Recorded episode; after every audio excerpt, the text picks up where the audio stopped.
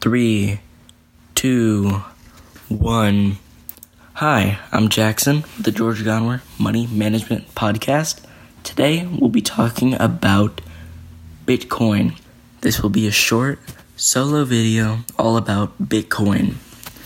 Now, the big news with Bitcoin is on May 12th, Bitcoin will be halved. And what that means is basically Bitcoin halving is reducing the amount of Bitcoin that goes into circulation every 10 minutes from 12.5 to 6.25. This happens roughly every four years, and it's used to combat Bitcoin inflation.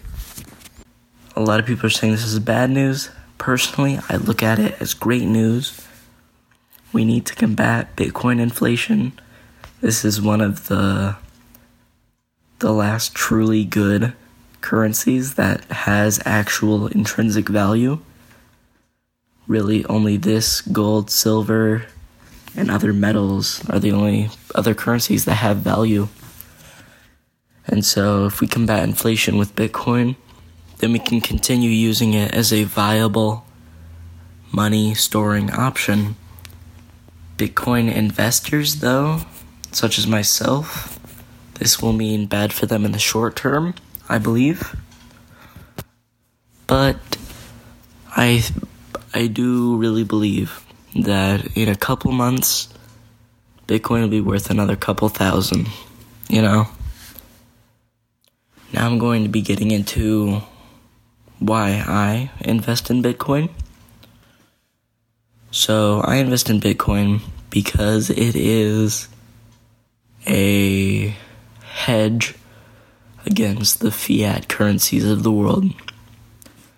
So, what that means is with Bitcoin, it will always have a value, it cannot go to zero. This is the opposite of fiat currency, like the US dollar.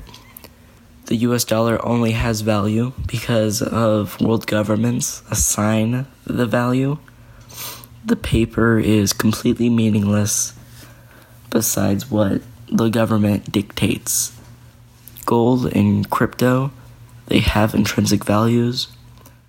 This is why uh, when people they when it, there's tough times, they usually go like 5% or 10% cash is how they go into their assets. I usually turn another 5 to 10% of my assets into Bitcoin. So this was a short video about Bitcoin halving and why I own Bitcoin. I'll see you again with episode 3. Bye.